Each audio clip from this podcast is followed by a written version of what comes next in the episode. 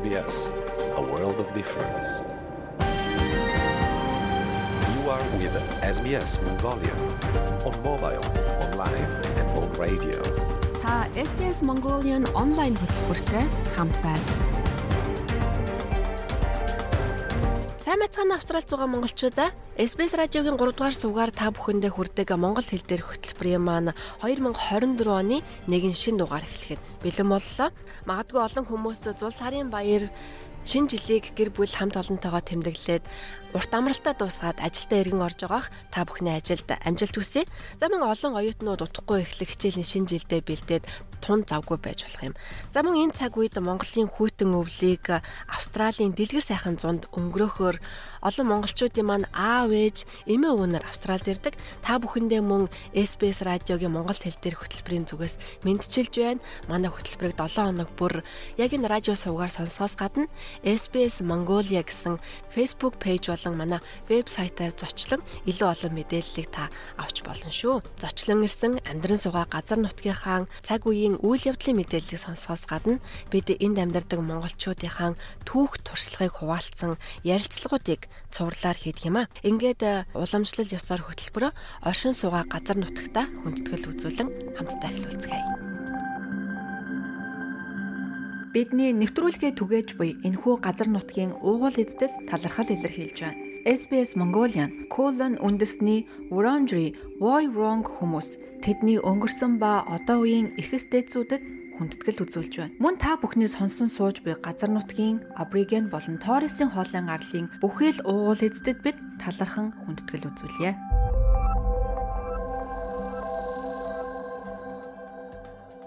Хөтөлбөр маань нэг цагийн туршид үргэлжлэх болно. Бид монголчуудынхаа түүх туршлагыг хуваалцсан ярилцлагын болон хүргэдэг. За энэ удаад бид нараа Сидней хотын нэгэн коллежид англи хэлний багшаар ажилладаг мөнх дэлгэртэй ярилцсан юм. Тэрээр Монголд багшаар ажиллаж байсан олон жилийн туршлагатай. Австрал дээрээд гадны олон оюутанд англи хэл зааж байгаа хүний хувьд Аз оюутнууд тэр дундаа монгол оюутнууд юун дээр анхаарах ямар алдаа гаргадаг, за магадгүй ямар давуу тал байдаг талаар бид нэр ярилцсан. За мөн монголчуудтай хандан маш хэрэгтэй олон зөвлөгөөнүүдийг өгсөн. За бид хоёр цуврал ярилцлага хийсэн. За түүний ярилцлагын хоёр дахь хэсгийг та манай вебсайтаар орж зочлоорой. Бид хоёр дахь ярилцлагын маань гол агуулга Австралид амьдарч байгаа ч англиэс сураагүй олон жил амьдарсан монголчууд байдаг. За тэдний хувьд ер нь хэлгүй амьдрах нь ямар эрсдэлтэй, ямар боломжуудыг алдаж байгаа тухайд бид нар ярилцсан юм а. За мөн Оны өмнөхөн гарсан нэгэн томоохон мэдээлэл бол Австралийн засгийн газраас цагаачлалын стратеги шинжилэн олон нийтэд танилцуулсан. За тэгэхээр монголчуудын олноор мэдүүлдэг оюутны за мөн төгсөгчийн виз болон байнгын оршин суух виз мэдүүлэхэд нэлээд том өөрчлөлтүүд гарсан. Үүний талаар тайлбар ярилцахыг бид нар Австралид цагаачлалын аль биесны лицензтэй зөвлөх Garuda Immigration агентлагийн захирал оюун чимэгтэй ярилцсан юм а. За олон жил энэ салбарт ажилласан хүний хувьд энэ удаагийн стратегийн шинжилгээг нэлээд шоконд оруулсан олон өөрчлөлт байлаа хэмээн тэрээр тодтгосон түүний ярилцлагыг та манай нэвтрүүлгээс хүлээн авч сонсоорой. За мөн Австралид барилгын салбарт ажилладаг монголчуудтай хүргэх мэдээ байна. Салика буюу тоонсонцор үүсгэгч чулуун хавтанг Австралийн барилгын салбарт ашиглахыг хориглож байгаа. За учир нь энэ материал нь одоо жижиг тоосонцор үүсгэж хүний уушгинд орсон тохиолдолд за уушгийг идгэшгүйгээр гимтэх, цаашлаад амь нас хохирох хүртэл ийм эрсдэлтэй байдаг учраас 7 дугаар сарын 1-ээс эхлээд хориглож байгаа юм. Энэ талаарх мэдээллийг та манай хөтөлбөрөөс хүлээн авч сонсоорой. За мөн монголчуудыг Австралид амьдрахад хөтөж болох зорилготой Австралийн тухай нэвтрүүлгийнхээ энэ удаагийн дугаараар бид нар Австралийн халуун зуныг аюулгүй эрүүл давах 5 алхмыг заасан байгаа. Мэргэжилтнүүдэд өгч байгаа зөвлөгөөг та манай нэвтрүүлгээс хүлээн авч сонсоорой. Ингээд бүтэн цагийн туршид бидэнтэй хамт байж монгол хэл дээр хөтөлбөрөө хүлээн авч сонсоорой.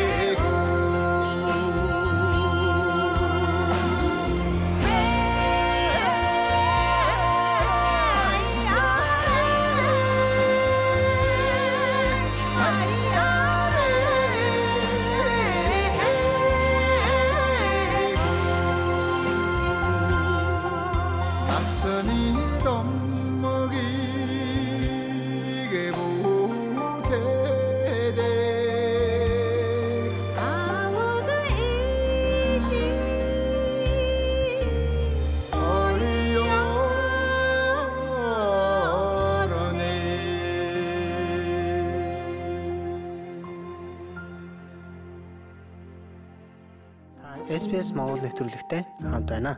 Сайн бацгаана сонсогчдоо SBS Mongolian шинэ ярилцлага та бүхэндээ хүргэх гэж байна. Энэ удаад бид нар Австральд англи хэлний коллежид багшилдаг монгол багштай ярилцсан юм а.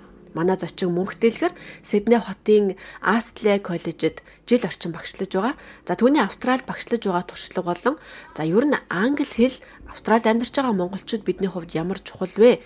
Хэлэхгүй байх нь бидэнд ямар бэрхшээлийг авчирч болох вэ гэсэн өргөн сэдвээр бид хоёр ярилцсан. Манай зочин хэл шинжилэл багшийн мэрэгжилтэй Монголд шинжлэх ухааны технологийн сургуулийн гадаад хэлний сургуульд ерөнхий англи хэл тусгай зорилтын англи хэл зэрэгцүүлсэн хэл шинжилэл хичээлүүдийг зааж байсан ийм туршлагатай багш ярианы сэдэн маань өргөн байсан учраас бид хоёр удаагийн дугаарыг бэлтгэлээ. Та ихний дугаарыг маань хүлээн авч сонсно уу? Та SBS Монгол нэвтрүүлэгтэй хамт байна.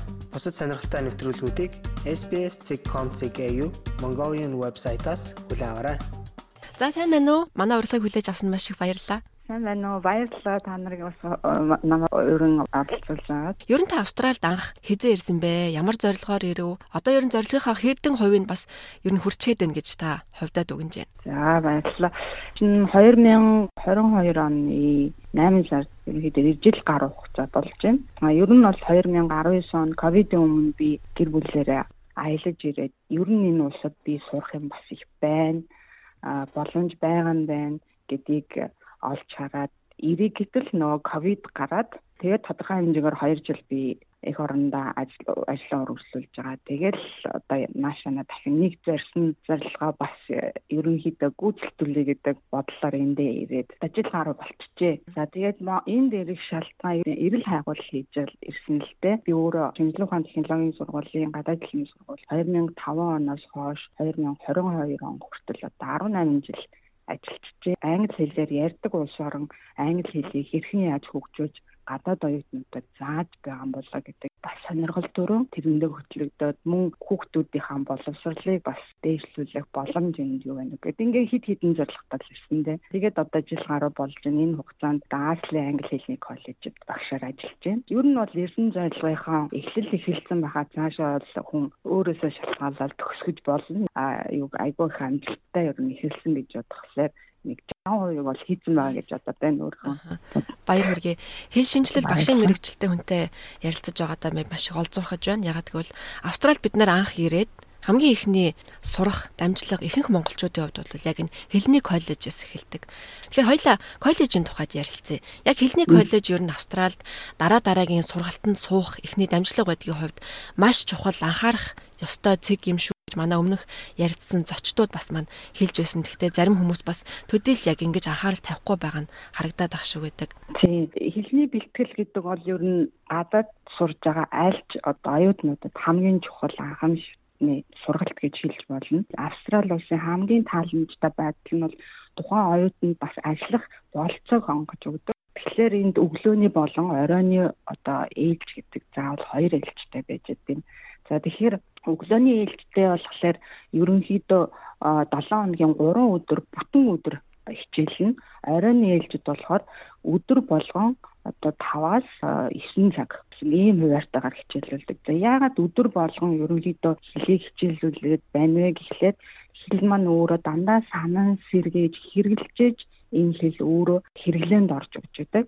Манай монголчуудын хувьд хэлийг эхлээд ирэнгүүтээ шинэ сархаг би мэдээ сурах гэдэг дээрээ шууд сурах хэрэгтэй. Тэгэхгүй ингээ ажиглаад тахаар яаж юм гэхлээр тодорхой хэмжээний санхүүгийн бэрхшээлтэй байгаа. Санхүүгийн бэрхшээлийг шийдэе гэдэг нөгөөдгөө сурмаар байдаг санхүүгийн бэрхшээлийг шийдмээр байдаг ингээ холимог болоод ирэхээр сурсан ч биш ажиллах юундаж амжилт үзүүлж чадахгүй ийм байдал түрээд байна гэдгийг би энэ удаа хугацаанд ажиглаад байж байна. Тэгэхээр ер нь эхлээд зорилгоо маш сайн тодорхойлох хэрэгтэй мэн тий.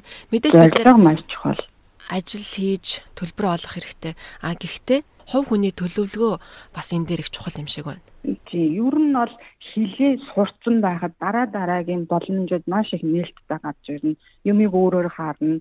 Хилгүй бол тодорхой хичнээн сайхан мөрөөдөд Монголоос ирсэн цаашаа суурь эсвэл ажиллая гэхэд бол бүх юм хаалттай. Гэтэл одоо манай хэлний коллежид бол Колумб, Бразил, Солонгос, Америкийн оюутнууд их байдаг л та. Тэд нарыг ажиглаж хаад яаж юм ихөр үнэхээр орой ээлжинд бол үнэхээр мөнгө санхүүгийн бэрхшээлээ шийдэе. Зин гэхдээ хизээж хичээлээ тасалдаггүй. Өдөр болгон ядарсан гэсэн хурж ирээд асуух юм асуучаад ингээд яваад байгаа оюутан бол тодорхой хэмжээр хилд овчоод байгаа. А өглөөний ээлжинд явж байгаа хүүхдүүд бол тодорхой хэмжээнд 3 өдөр яс суугаад үлдсэн 4 өдөр 7-ныхон 4 өдөр бол ажиллаад тэгээд хилээ нэлээд сайн сайжруулж агаад цаашаана коллежид сурах, ихтэй сургуулах үе талыг нээж чадаад байгаа байхгүй юу. Монгол оюутнууд манай энэ коллежид бол урд нь их монгол оюутнууд их сурч ирсэн гэсэн. Одоо бол тодорхой хэмжээгээр нэг 2 оюутан байна уу, 3 оюутан л байгаа. Би зарим нэг 2 монголчууд нь ирэхэд тэд нар маань хичээлээ нөгөө орой айлжинд явж байгаа хүмүүс ачаалаасаа болоод таслах, хоцрох тийм юмнууд ажиглагдаад байгаа байхгүй юу. Тэгэхээр тэр чинь нөгөө л зорилго нь өөрчлөгдөөд яах гэж ирсэн бэ гэдэг энэ хандлага нь чиг хандлага нь өөр болоод явж байна л та. Өглөөний анги арай илүү итгэвтэй. За магадгүй орой анги болох дээр ингээд өдөржингөө ажиллаа хийгээд ирсэн хүүхдүүд болох дээр нөгөө ангийн итэх айгуу сул ер нь нэг тийм унтаа баг самбарын урд ингээ яриад байдаг. Тэгэхээр тэн дунд яг сурыг гэсэн зоригтой хүнд бас олж авахд мэдлэг их хомс болчдөг гэж хүн надад зөвлөж исэн байхгүй. Энийг та хэр үнний ортой гэж хэлэх вэ? Тий, ер нь бол үнэн л дээ. А гэхдээ энэ дунд тийм байна уу гэхэд бас үгүй байгаа. Үнэхээр би аль альнаа амжуулъя. Тодорхой 4 цагийг би бас ядарсан ч гэсэн би энийг л сурах ёстой гэдэг юмар хандж байгаа оюутнууд бол байна. Бүр одоо beginner буюу анхаан шатнасаа эхлүүлээд одоо бүр advanced түвшин рүү ингээд яваад хийлт ороод цаашаа бүр улам motivation сурах, гадаад хэллэгч сурах арга барилаа олсон оюутнууд бол одоо манай коллежид бол нэг жилийн хугацаанд бол надад бүр нүдэн дээр илт ингээ харагдаж байгаа байхгүй. Тэгэхээр хоёр зүйл өглөөний хорооных бол яалтчгүй өөр Гэхдээ тэр дундаа үнэхээр зоригтой хүмүүс бол оройног ч гэсэн маш сураад гарах боломж байна. Сурж байгаа нэг зорилго бол бас эрцээ бүртгүүлэх гэдэг нэг визний шаардлага байдаг шүү дээ тийм ээ. Эрцний тухайд одоо хоёлаа ярилцъя. Хэдэн удаагийн хичээл тасалсан бол ер нь виз нөлөөлөх хэмжээний таслалт гэж үздэг вэ? Эрц бол маш чухал. Ер нь бол Австрали улсаа эрц гэдэг бол яагаад чухал вэ гэдэг визтэй холбоотой. Визтэй холбоотой учраас энэ одоо эрцийн мэдээллийг айгүй нарийн авч өгч байдаг. Сая өнгөрсөн жилээс ахуулаад одоо 6 7 сараас эрцний байдлыг маш нарийн бүр цаг минуттай одоо тулгаж багш нараа шаардсан. 100 оноотой байлаа гэхэд 60-аас доош орох юм бол тэр нь дандаа анхааруулга мессеж өгдөг. 40-с доош бол шууд immigration руу одоо мэдээлэл өгөөд манайд энэ оюутан ингэж явахгүй байна гэдэг нэг явуулт юм байлээ. А багш нарын хувьд бол бидэнд бол зүгээр эрцийг бүртгэх яг хідэн цагт ирээд хідэн цагт явсан гэдгийг тэмдэглэх үүрэгтэй. Эрц бол чухал гэхдээ оюутнуудаа анхааруулаарай. Энэ оюутан одоо тодорхой хэмжээнд ийм хувь хүрсэн байна. Тайлбарлаад хэлээрэ гэдэг мессеж өгөөрэй л гэж чиглэлт юм да удирдлагаас. Die immigration дээр бол яг ямар үед нь яагаад өгдөг тэр нарийн процедурыг бол тухайн сургуулийн удирдлагууд л өөрсдөө. Хэрвээ таслаатай бол энэ оюутан энэ улсад яах гэж ирсэн бэ тий? Тэгээ сул ингээд зүгээр гадаад хүмүүсийг залуучуудыг ингээд их орондоо сул сэлгүүцүүлээд мэдээж явахгүй нь ойлгомжтой. Тэгэхээр энэ бүх юм нарийн уялдаа холбоотой учраас эрсээр ерөөсөө тэр тухайн оюутан хаана юу хийгээ яваад байна ямар зүйл дээр анхаарлаад сурах чинь сурахгүй байна уу гэдэг бүх юм хянаад яваад. Хэл мөө очоод сурчиндаа гэсэн нэг тийм хүмүүсийн хандлага ажиглагдаад байдаг байхгүй юу. Гэтэл энэ сургалтын төлбөр ямар өндөр вүлээ те. Монголд сураад ирвэл та мөнгөний хувьд гэхэд ямар их мөнгө хэмнэх үү? Ирээд та хилтэй болвол ямар их боломжууд бас байгаа бэлээ. Та Монголд бас яг энэ хэлний чиглэлээр ажилладаг байсан хүний хувьд англи хэлнийг Монголд сурах болон энд ирээд сурах хоёрын ялгааг та юу гэж хардаг вэ? Яг ер нь хүүхдүүд тэгдэж шүү. За англи хэлтэй уусад очиж байгаа юм чи англи хэлийг өстой сайн өтөөдөргөө сурах юм чинь. Гэтэл бас үгүй маа. Ерөнхийдөө хэлний суур дэвсгэр тэрийг хүлээж авах чиг хандлага бүгднгийн одоо их орондоо сураад эзэмшчих юм бол энэ газар ирээд илүү их боломжийг цаг хугацааг товчулж болно. Цааш нь одоо сайжруулах э, боломжийг бүрдүүлээд байгаа. Тэгэхээр би бол одоо энэ улсад ирэх байгаа оюутан залуусд юу гэж хэлж байгаа юм их орондоо суур айгуу сайн тавьчих хэрэгтэй.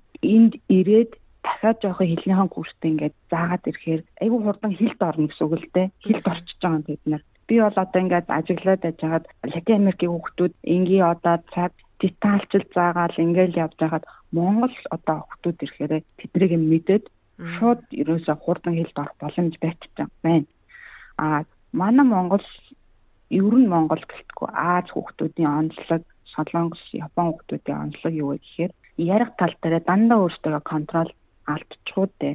Эсвэл би одоо энийг хийхээр буруу яриад байгаа юм болов гэдэг тархинд нь дандаа тийм өөрийгөө хянах юм яваад байгаа учраас ярих хилд орох процесс нь маш удаан. Гэсэн мөртлөө дотроо бол мэдээд байдаг тэрийгэ гаргаж өгдөг. А гэтэл Латин Америкийн хүүхдүүд бол алдсан ч алдаагүй ч хамаагүй ярьж байдаг. Тэрийг чөлөөтэй ярьж байгаа учраас маш хурдан хэлд орчдөг. Тийм тэгэхээр манай хүүхдүүд бол аюул сайн одоо ирж ин тодорхой англи хэлний зохиог мэдлэгтэй ингээд ялангуяа дөрмийн хувьд, бичгийн хувьд ирж байгаа мөртлөө тэрийг хурдхан шиг сэргийгээд хэлд орох процесс маш их удаа юм. Тэгэхээр яалтчгүй их орондоо сураад ирсэн хамгийн одоо туйлын зөв Өөр та коллежид сурж байгаа монгол оюутнуудад хандаж яг ийм нарийн зөвлөгөөнүүд юу байна? Дотор нь байгаа хүний хувьд те монголчуудаа өгөх. Тэгээд ер нь бол эхлээд ирэхдээ өөрийнхөө төвшинг маш сайн тодорхойлох хэрэгтэй. Би ямар төвшингөөс хэлэх гээд байгаа вэ? Одоо манайхан эрэхтэй ингээ ажиглаад байхад яаж яах нэхэд ер нь ихэнх нь зарим нь beginner зарим нь intermediate төвшингөөс илүү их явж байна. SPS Монгол хэлээр Сонсогчдоо та бүхэн ярилцлагын үргэлжлэлийг нэвтрүүлгийн тайлбар хэсэгт оруулсан 2 дахь дугаараас хүлээ авч сонсоорой. Бидний нэвтрүүлгийг Facebook сошиал хуудасаар бусдаа хуваалцаарай. Манай хөтөлбөртэй хамт байгаа танд баярлалаа. Ингээд хэсэг хугацааны завсралгын дараа эргээд уулзцаая. Та Facebook-ээр орж манай хуудсанд лайк дарж бидэнтэй хамт байгаарай.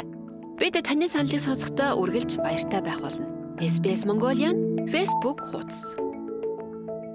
SBS Mongolian радио хөтөлбөртэй хамт байгаа танд баярлалаа. Одоо Австралид оршин суух хөтөч нэвтрүүлгийг хүлээн авч сонсцгоё.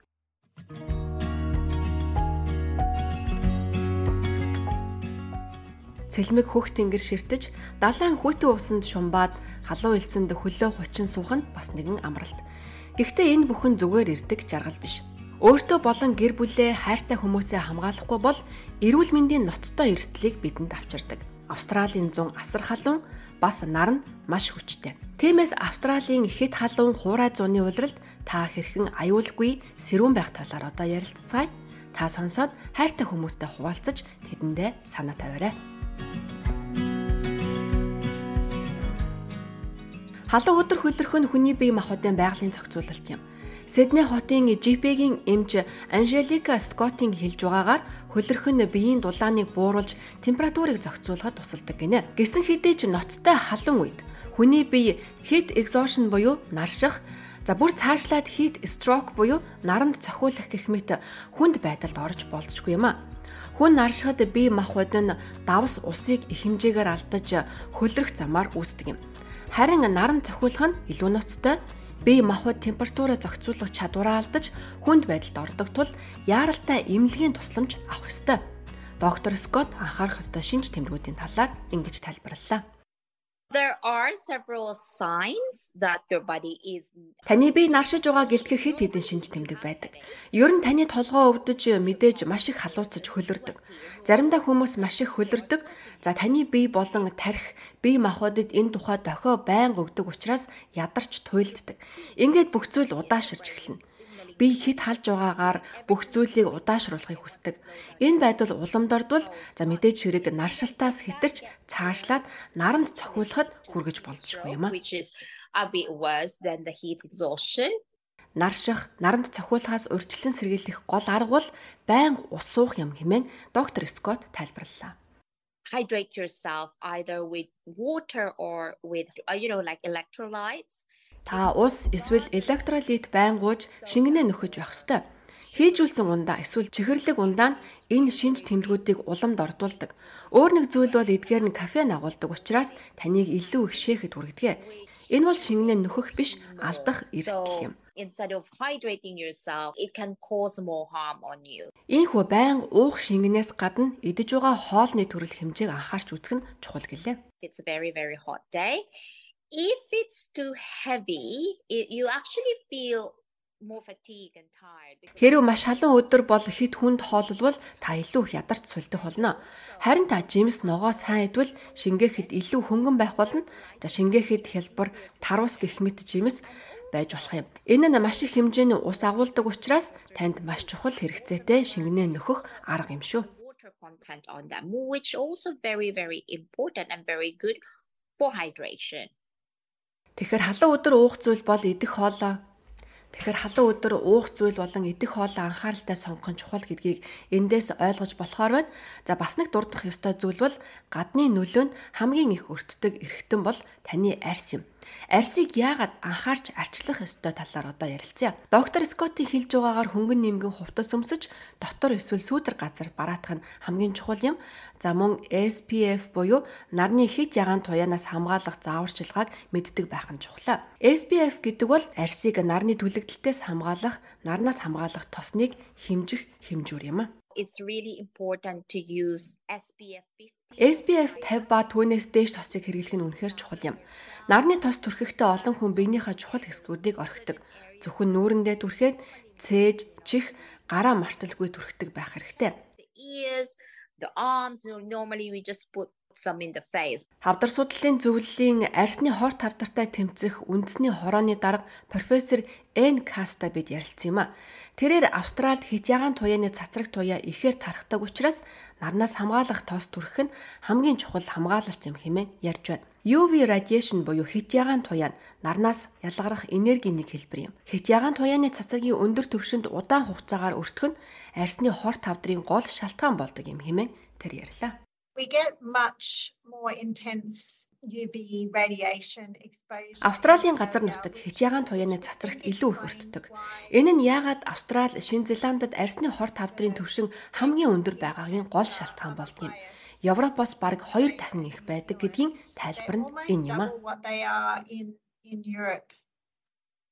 Профессор Н Кас Австральд хитягаан туяаны цацраг хэр их байдгийг ингэж тайлбарллаа. Most places in Australia Австралийн ихэнх газар нутгуудад хитягаан туяаны индекс 100-ны саруудад 12-оос 14 орчим байдаг. Тэгвэл газар дундын тэнгис орчмын Европын өмнөд хэсэгт ердөө 8 орчим байдаг юм а. Хитягаан туяаны цацраг нь өдрийн халуун хүйтнээс хамаардаггүй. Хитягаан туяаны цацраг мэдрэгддэггүй, харагддаггүй. Сэрүүн үйлэрхэг өдрүүд ч өндөр байж болтгоо if it's a little bit cloudy or if it's cooler day even in the middle of summer the UV index Сэрэн өдөр байсан ч хитягаан туяаны индекс нэлээд өндөр хэвээрээ байдаг. Гадаа баг зэргийн сэвшээ салхитай заримдаа сэрүүн таатай байсан ч үнэндээ хитягаан туяаны индекс өндөр хэвээрээ л байдаг. Та усанд сэлж усан дотор тоглож байсан ч хитягаан туяаны тусгалыг илүү хүчтэй болгодог тал бий.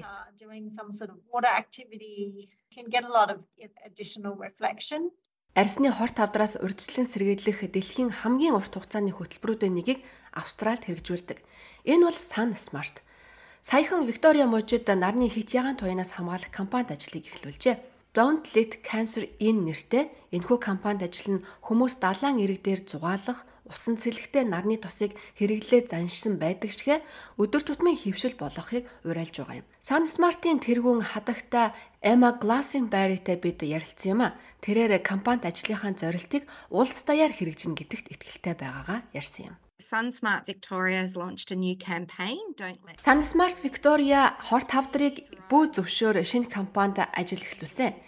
Энэ нь арсны хор тавдраас урьдчилан сэргийлэхийн тулд нарны хамгаалалтыг сайн хэрэглэх нь чухал юм гэдэг мессежийг хүн бүрт айл бүрт хүргэх зорилготой юм. Та юу хийж байгаа нь хамаагүй. Нохоодоогоо зугаалах, цэцэг навчаа гадаанаа цэвэрлэх, хүүхдүүдтэй харах нарны хамгаалалт заавал хийх ёстой. Гадаа гарахын өмнө хитягаан туяаны төвшин шалгаж байгаарай. Хүмүүс гадаа гарахаас өмнө ойр орчмынхоо хитягааны төвшинг хэлбэрхэн шалгаж болно гэдгийг хадагтай онцоллоо.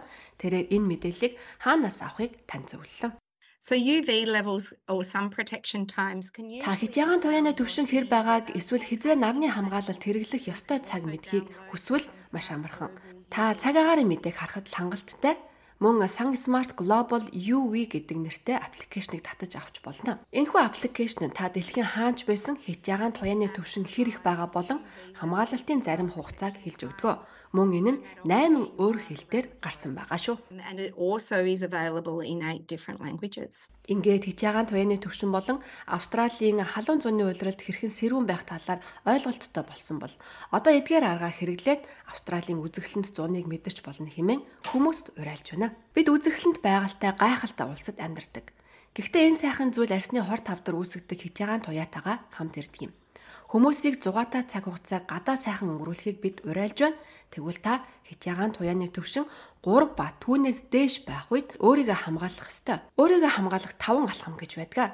Хамгаалалтын хувцас өмсөх, өргөн хүрээтэй малгай өмсөх, нарны шил зүх, ил гарсан арсны бүх хэсэгт нарнаас хамгаалах тос түрхэх. Үүн дээр нэмээд сүүдэр газар бараадаж явах зэрэг нарнаас хамгаалах бүх 5 алхмыг ашиглах нь үнэхээр чухал юм шүү. Лайк, share, comment үлдээгээрэй. SBS Монгол Facebook хуудсыг дагахаа мартаоцай. Манай радио хөтөлбөр Монголын уран бүтээлчдийн дууг аль биесны эрхтэйгээр танд хүргэдэг. Ингээд нэгэн уран бүтээлийг танд зориулъя.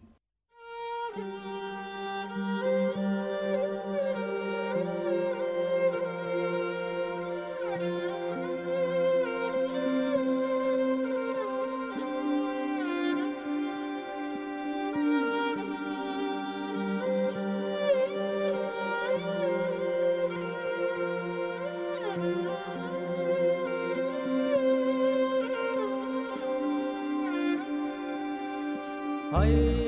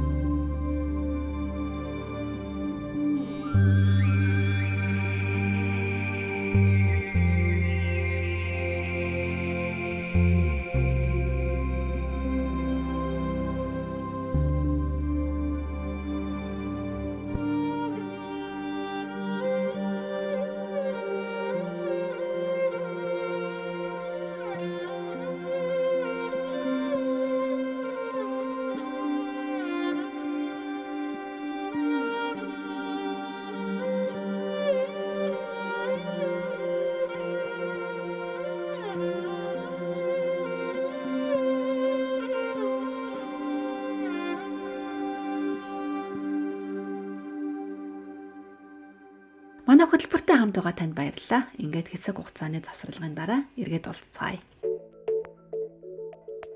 Манай нэвтрүүлгийг та гар утсаараа үнгүй сонсож болно. sbs.com.au/mongolian эсвэл SBS аудио апыг яг одоо татаж аваарай. Та SBS Монгол нэвтрүүлэгтэй хамт байна. Сайн байцгаана уу Австралид суугаа монголчуудаа SBS радио та бүхэндээ шинэ ярилцлага хүргэх гэж байна. Австралийн засгийн газраас цагаачлалын шинэ стратеги гаргаснаа олон нийтэд зарлаа.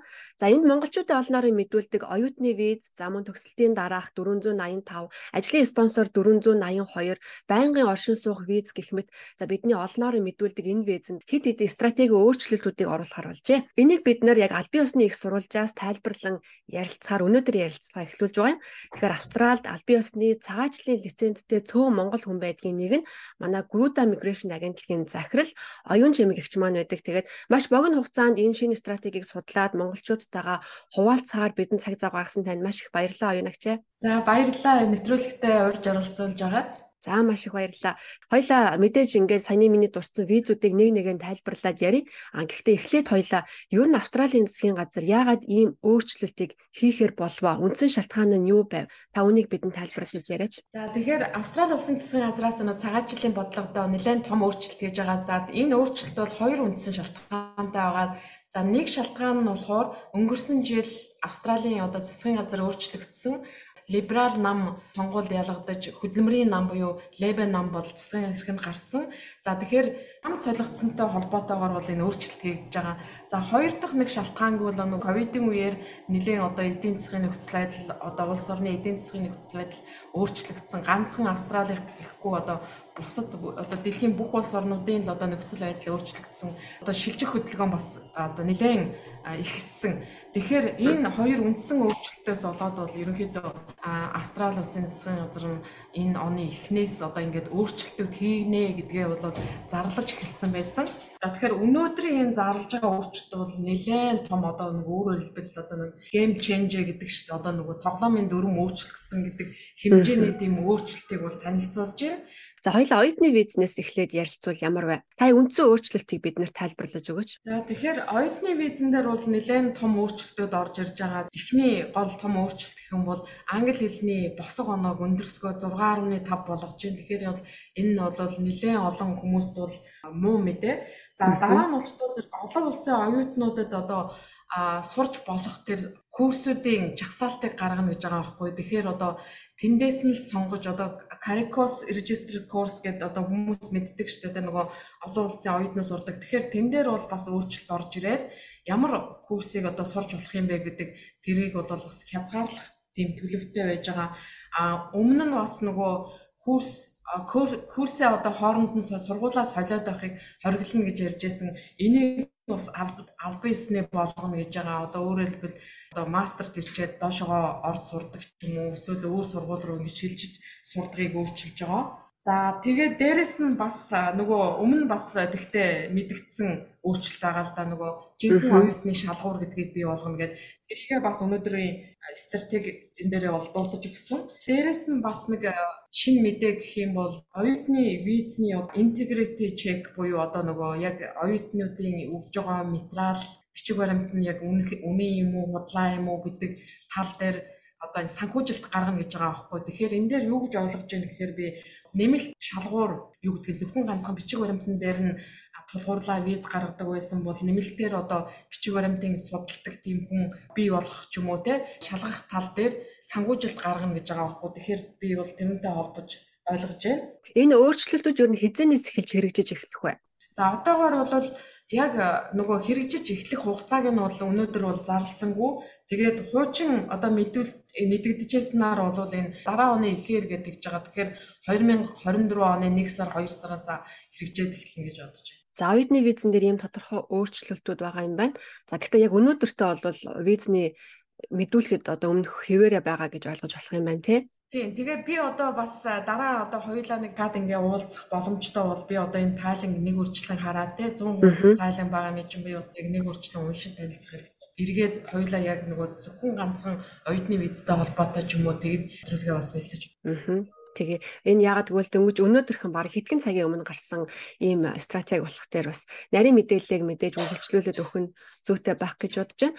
Одоо хоёлаа үргэлжлүүлээ 485 буюу Австралид ирээд сурсны дараа авч болдог энэ визэн дээр ямар өөрчлөлтүүд орсон талаар ярилцъя. Төгсөгчийн визэн дээр бол маш том өөрчлөлт орж ирж байна. Энэ бол нэлээд олон хүмүүст бас нөгөө шок болох хэмжээний энэ өөрчлөлт байгаа. Эхний юу нь болохтой зэрэг ер нь төгсөгчийн визийг бол Австрали улсад хэрэгцээтэй мэрэгчлэр төгсөж байгаа оюутнуудад олгох тал дээр илүү анхаарна гэж одоо энэ дээр дурдсан байгаа төгсөгчийн визийг 3 жилээр авж байгаа. Тэгэхээр энэ 3 жилийн хугацаа багасгах гэж ярьж байна. Тэгэхээр одоо 2 жил юм уу 1 жил хүртэл одоо багасгах боломжтой болно гэсэн. Одоо ингээд одоо нөгөө урт хугацааны төгсөгчийн виз авах боломжгүй болох нэ гэсэн. Хэрэг хэрэгцээтэй мэрэгчлэр сураагүй бол тий. За дараагийн нэг юу нь болохтой зэрэг төгсөгчийн визтэй хүмүүс хуучин одоо нөгөө оюутны виз рүү эргээд мэдүүлдэг байсан. Тэрийг одоо хуулиар хориглож өгнө гэж байна. Өөрөөр хэлбэл одоо төгсөгчийн визтэй байж байгаад нөгөө дуусахаараа өөр сургуульд ордог штэ зарим хүмүүс чинь тий. Тэгэхээр тэр боломжийг одоо хуулиар хааж өгөх юм байна. За дээрэс нь Австрали улсад ингээд төгсчөөд байгаа тэр хүмүүс одоо хэрв Австралид хэрэгцээтэй тийм мэрэгжил тийм скил ур чадвартай биш болвол цаашид ингээ үргэлжлүүлээд байх тэр боломжийг бас хязгаарлана гэж бас энэ дээр дурдсан байгаа энэ тайлна яаж хязгаарлах вэ гэдг нь бол энэ тодорхойгүй байгаа. За бас нэг шоконд орохоор нэг зүйл бол насны хязгаарыг нь багасгасан. Одоо хэрэгжилж байгаа журмаар бол 50 наснаас дотгош хүмүүс одоо төгсгчийн виз авч болдог байсан. Гэтэл энэ насыг 35 насаар хязгаарлаж байгаа юм байна. Тэгэхээр энэ бол нэлээд одоо манай одоо оюутны виз мэдрүүлж байгаа хүмүүс ихэнх нь одоо 30-аас дээш насны хүмүүс байдаг шүү дээ. Тэгэхээр энэ бол нэлээд бас нэг шок болохоор мэдээ гэж харагдаж байна. За бас нэг шок болохоор мэдээ гэх юм бол англи хэлний төвшинг бас нэмэгдүүлсэн. Одоогийн мөрдөж байгаа хуулиар бол англи хэлний төвшин нь болохоор төгсөгчийн виз виз авч байгаа хүмүүст бол IELTS-ийн 6 тэгээд нөгөө нэг бүрийнх нь оноо бол 5 гэж тогтоосон байдаг. Гэтэл энийг одоо дундаж оноо нь IELTS-ийн 6.5 нэг бүрийнх нь оноо 6 байна гэдэг ингээд ахиулчихж байгаа юм байна. Тэгэхээр энэ бол бас л тааламжтай бус мэдээ олчиж байгаа байхгүй юу? Олон өөрчлөлтүүд байгаа юм байна.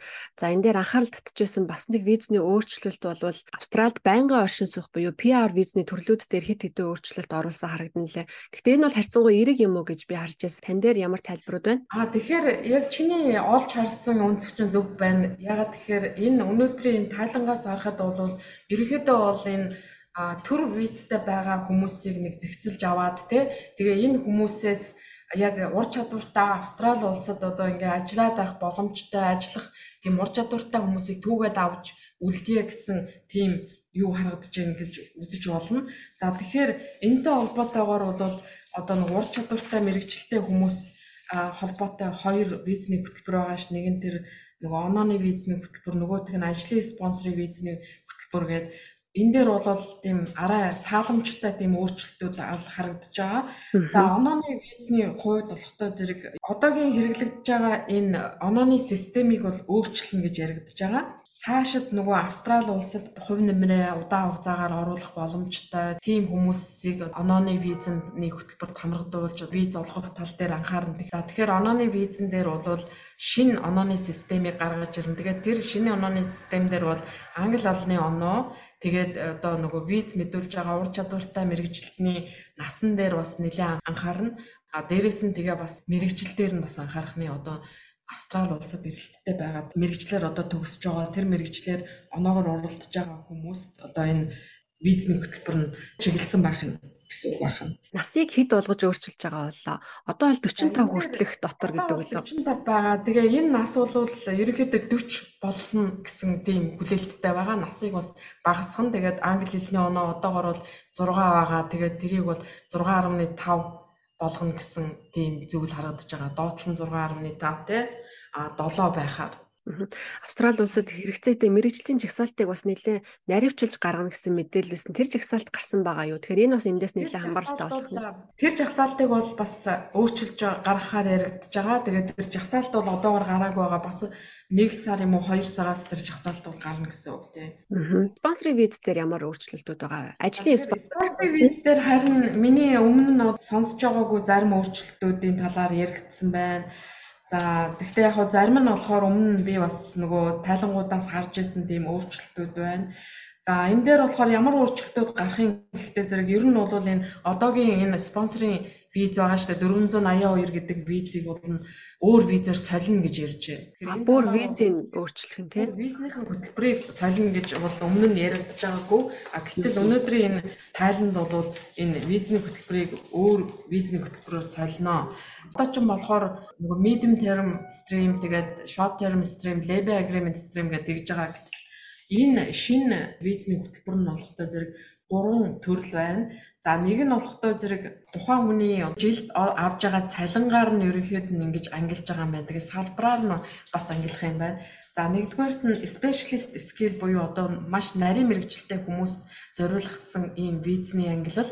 За энэ нь болохоор жилийн цалин 135 мянгаас дээш цалинтай ийм хүмүүс одоо спонсорлуулах боломжтой ийм хөтөлбөр байх юм байна. Ямар нэгэн мэрэгжлийн жагсаалт нь мэрэгжил нь байх э, албагүй. Альч мэрэгчлэр бол спонсорлуулах боломжтой гэдгээр Аа тэгэхээр шууд орлогоор нь ингэж таслаад шууд орлогоор нь ингээ ангилчихж байгаа юм байна. За дараагийн англи нь болохоор core skill гэдэг одоо үндсэн нарийн мэрэгжилтэй одоо specialist гэдэг нь бүр нарийн мэрэгжилтэй хүмүүс дараагийн хүмүүс нь бол ер нь хэрэгцээтэй мэрэгжилтэй хүмүүс гэдэг англи гэх юм уу те. Тэр англид нь болохоор цалингийн хэмжээ 70 мянгаас 135 мянган хооронд байгаа хүмүүс энэ ангиллаар виз мэдүүлж болох юм байна. За тэгээд энэ ангиллаар виз мэдүүлж байгаа ихэнх хүмүүс нь бол ерөнхийдөө trade occupation тэгээ одоогийн нөгөө 482 визний шаардлагыг хангасан хүмүүс байдаг шүү дээ тий одоо дунджаар цалин нэг 70 мянга 80 мянга тэр хүмүүс бол энэ хоёрдугаар ангиллаар визээ мэдүүлнэ гэсэн үг байна. За гурав дахь ангилал нь болохоор одоо 70 мянгаас доош жилийн цалинтай хүмүүст хамааралтай тийм 3 дахь ангил бас гарч ирнэ гэж байгаа. За одоогоор бол aged care гэдэг нөгөө настан асрах салбарын хүмүүс бол энэ ангилд хамаарагдана гэсэн хамаарагдана гэж одоо дурдсан байгаа.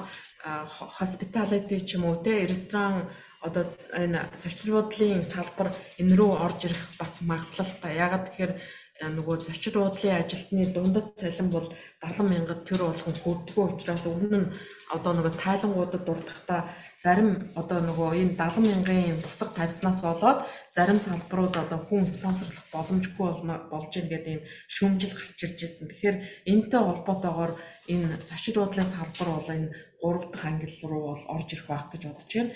За тэгээд Энтэй 482 дээр бол ерөнхийдөө үндсэн их өөрчлөлтүүд бас зөвхөн ганцхан виз мэдүүлж байгаа хүмүүст хамааралтай биш компанид нь хамааралтай тийм өөрчлөлтүүд гарч ирж байгаа юм байна.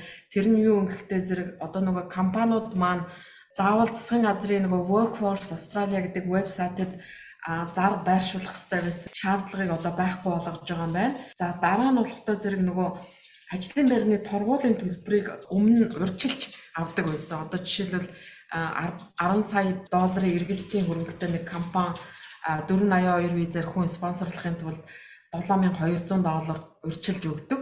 А гэтэл үүнийг одоо болоод зөвхөн нөгөө тухайн хүний ажиллаж байгаа сараар нь тооцож сүулт нь өгж болдгоор ийм өөрчлөлт орж ирж байгаа. Тэгэхээр энэ бол компаниудыг дэмжсэн ийм тааламжтай мэдээ гэж өөрчлөлт гэж харж байна.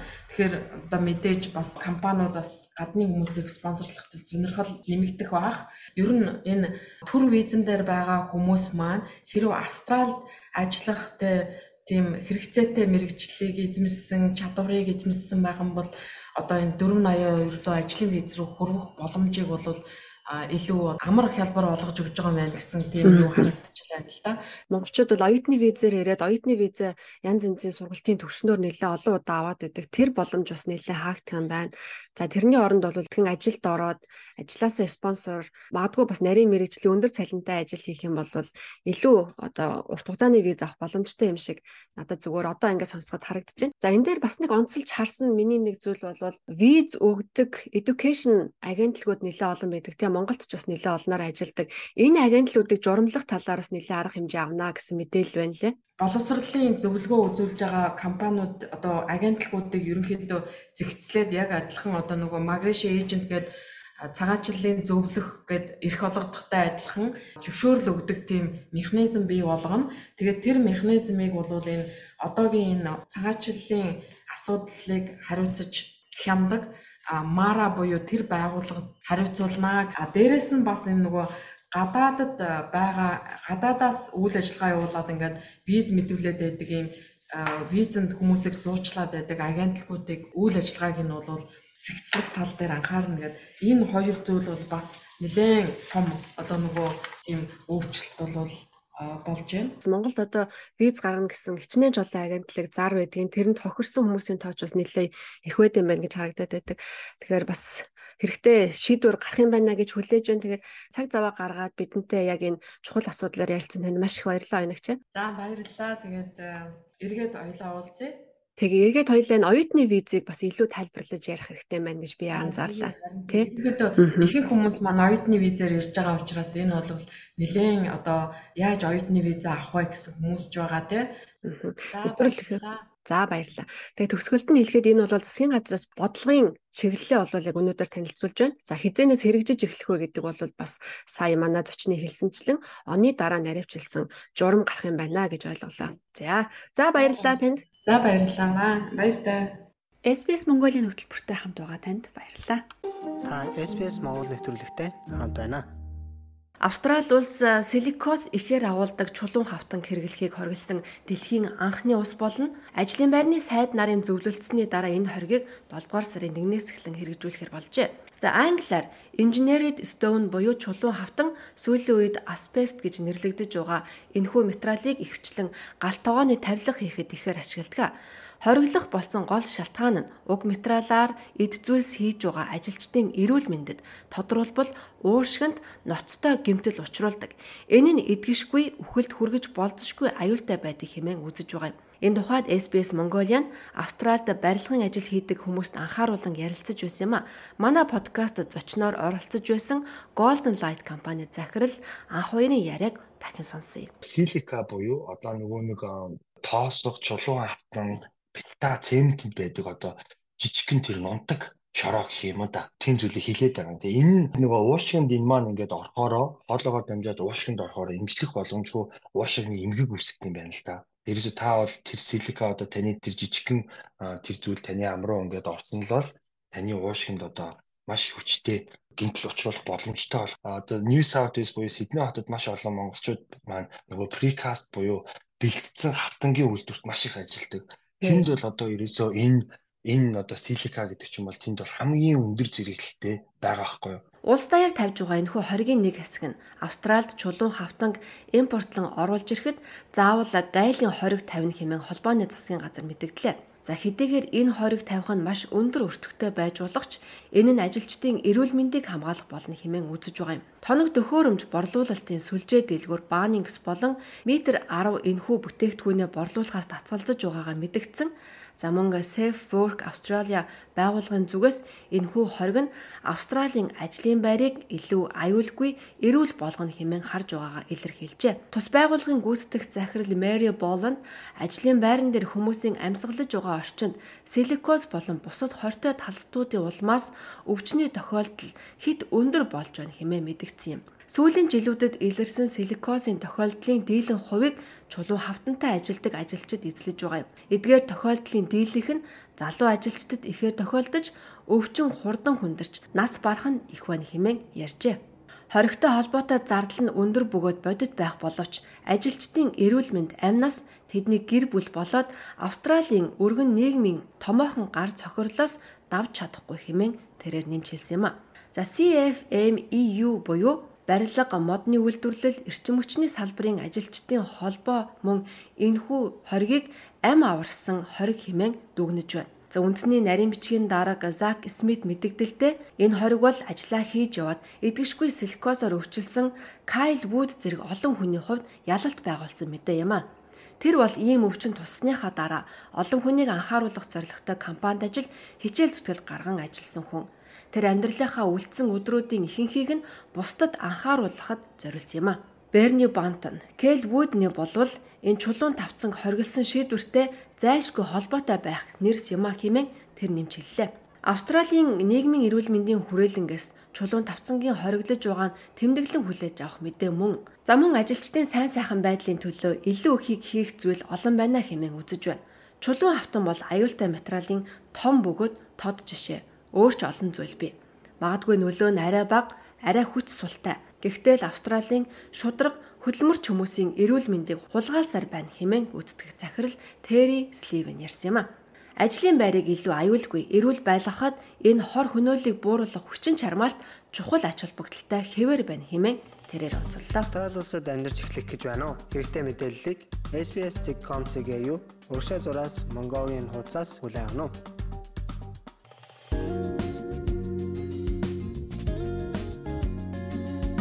Play дарж долгионо тааруул. 60 өөр хэл дээрх мэдээ, сэтгэлд нийцэм хөгжим, сонсохгүй байхын аргагүй хэрэгтэй подкастууд таныг хүлээж байна. SBS аудио апыг татаж ав. Эсвэл sbs.com.au/audio зочлоорой.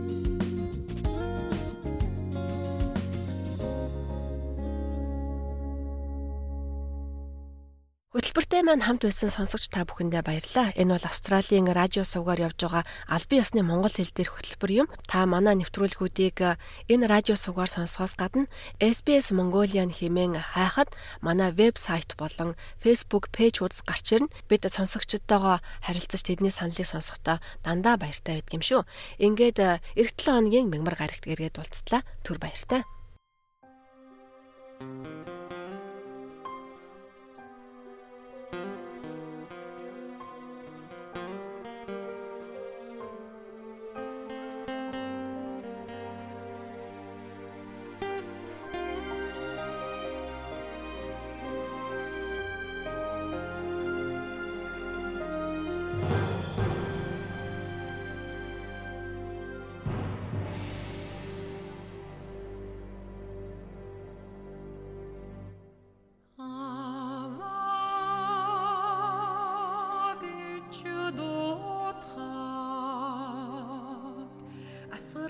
Bayır ateşinde tel yılana